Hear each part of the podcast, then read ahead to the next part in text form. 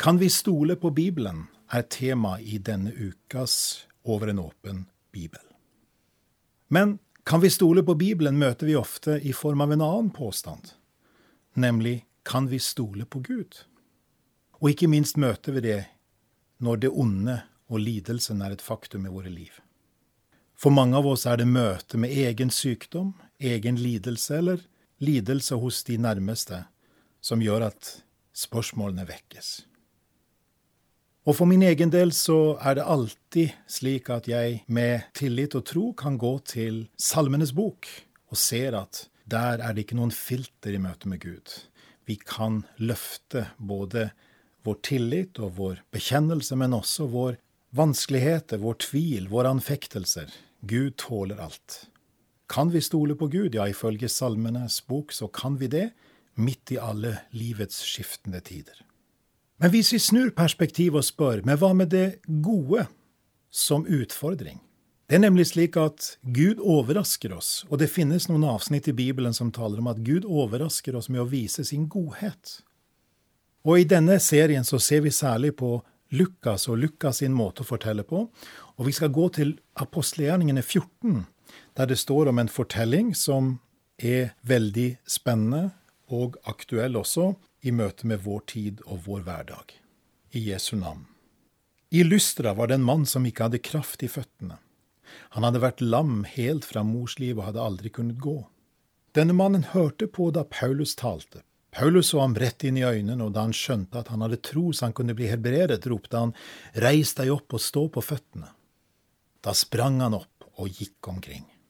Folkemassen så hva Paulus hadde gjort, og satt i å rope på lykkaonisk. Gudene er blitt som mennesker og er kommet ned til oss. Og de kalte Barnabas for Sevs og Paulus for Hermes, siden det var han som førte ordet. Presten ved Sevstempelet, like utenfor byen, kom til byportene med okser og blomsterkranser og ville ofre sammen med folkemengden. Men da apostlene Barnabas og Paulus hørte det, flerret de kappene sine, løp fram i mengden og ropte, Hva er det dere finner på? Vi er jo alminnelige mennesker, akkurat som dere.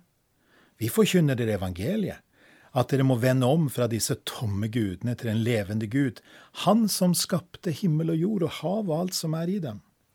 Han tillot nok i tidligere tider alle folkeslag å gå sine egne veier.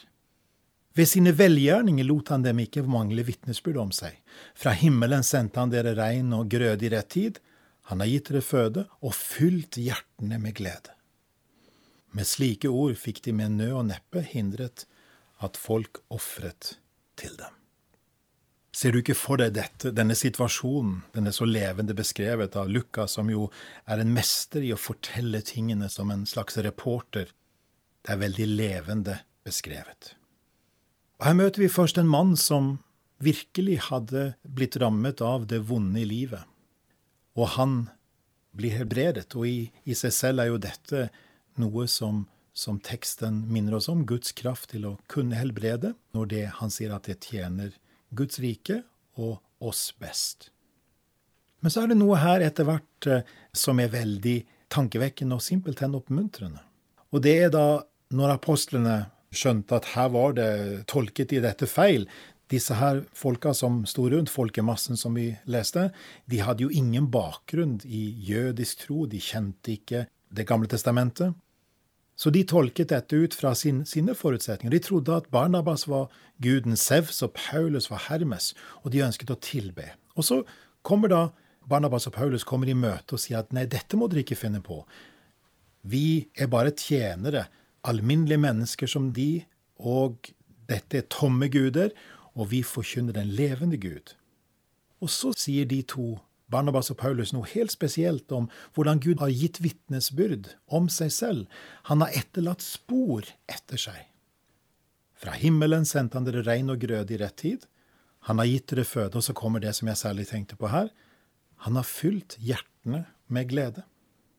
Jeg vet ikke om du noen gang har hørt en andakt over disse få ordene her, at Gud har fylt hjertene med glede. Men tenk deg, for et perspektiv.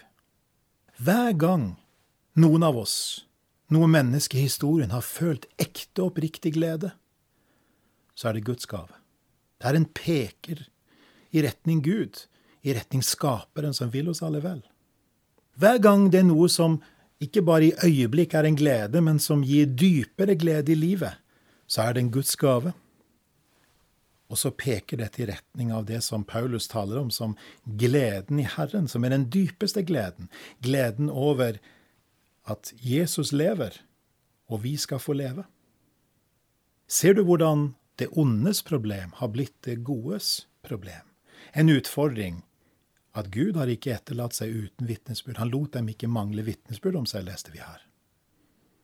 Har du oppdaget at Gud er den som gir enhver glede i våre hjerter? Gleden i hverdagen, den dypere gleden i møte og sammen med våre nærmeste, våre venner, våre familie. Og den aller dypeste gleden, gleden i Herren. Igjen ser vi Lukas forteller om noe troverdig. En troverdig historie, et troverdig budskap og en troverdig tro.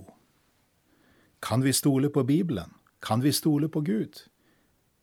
Lukas sitt svar er entydig ja. La oss i dag tenke på at Gud fyller hjertene våre med glede. La oss be.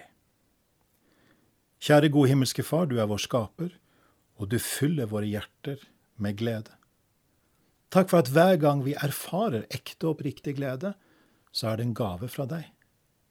Takk for hver gang vi erfarer dypere glede i møte med våre familier, våre venner, i møte med de vi blir kjent med, så er det en gave fra deg. Og takk for den dypeste gleden, gleden i den oppstandende Herren Jesus Kristus. Velsign oss denne dagen i Jesu navn. Amen.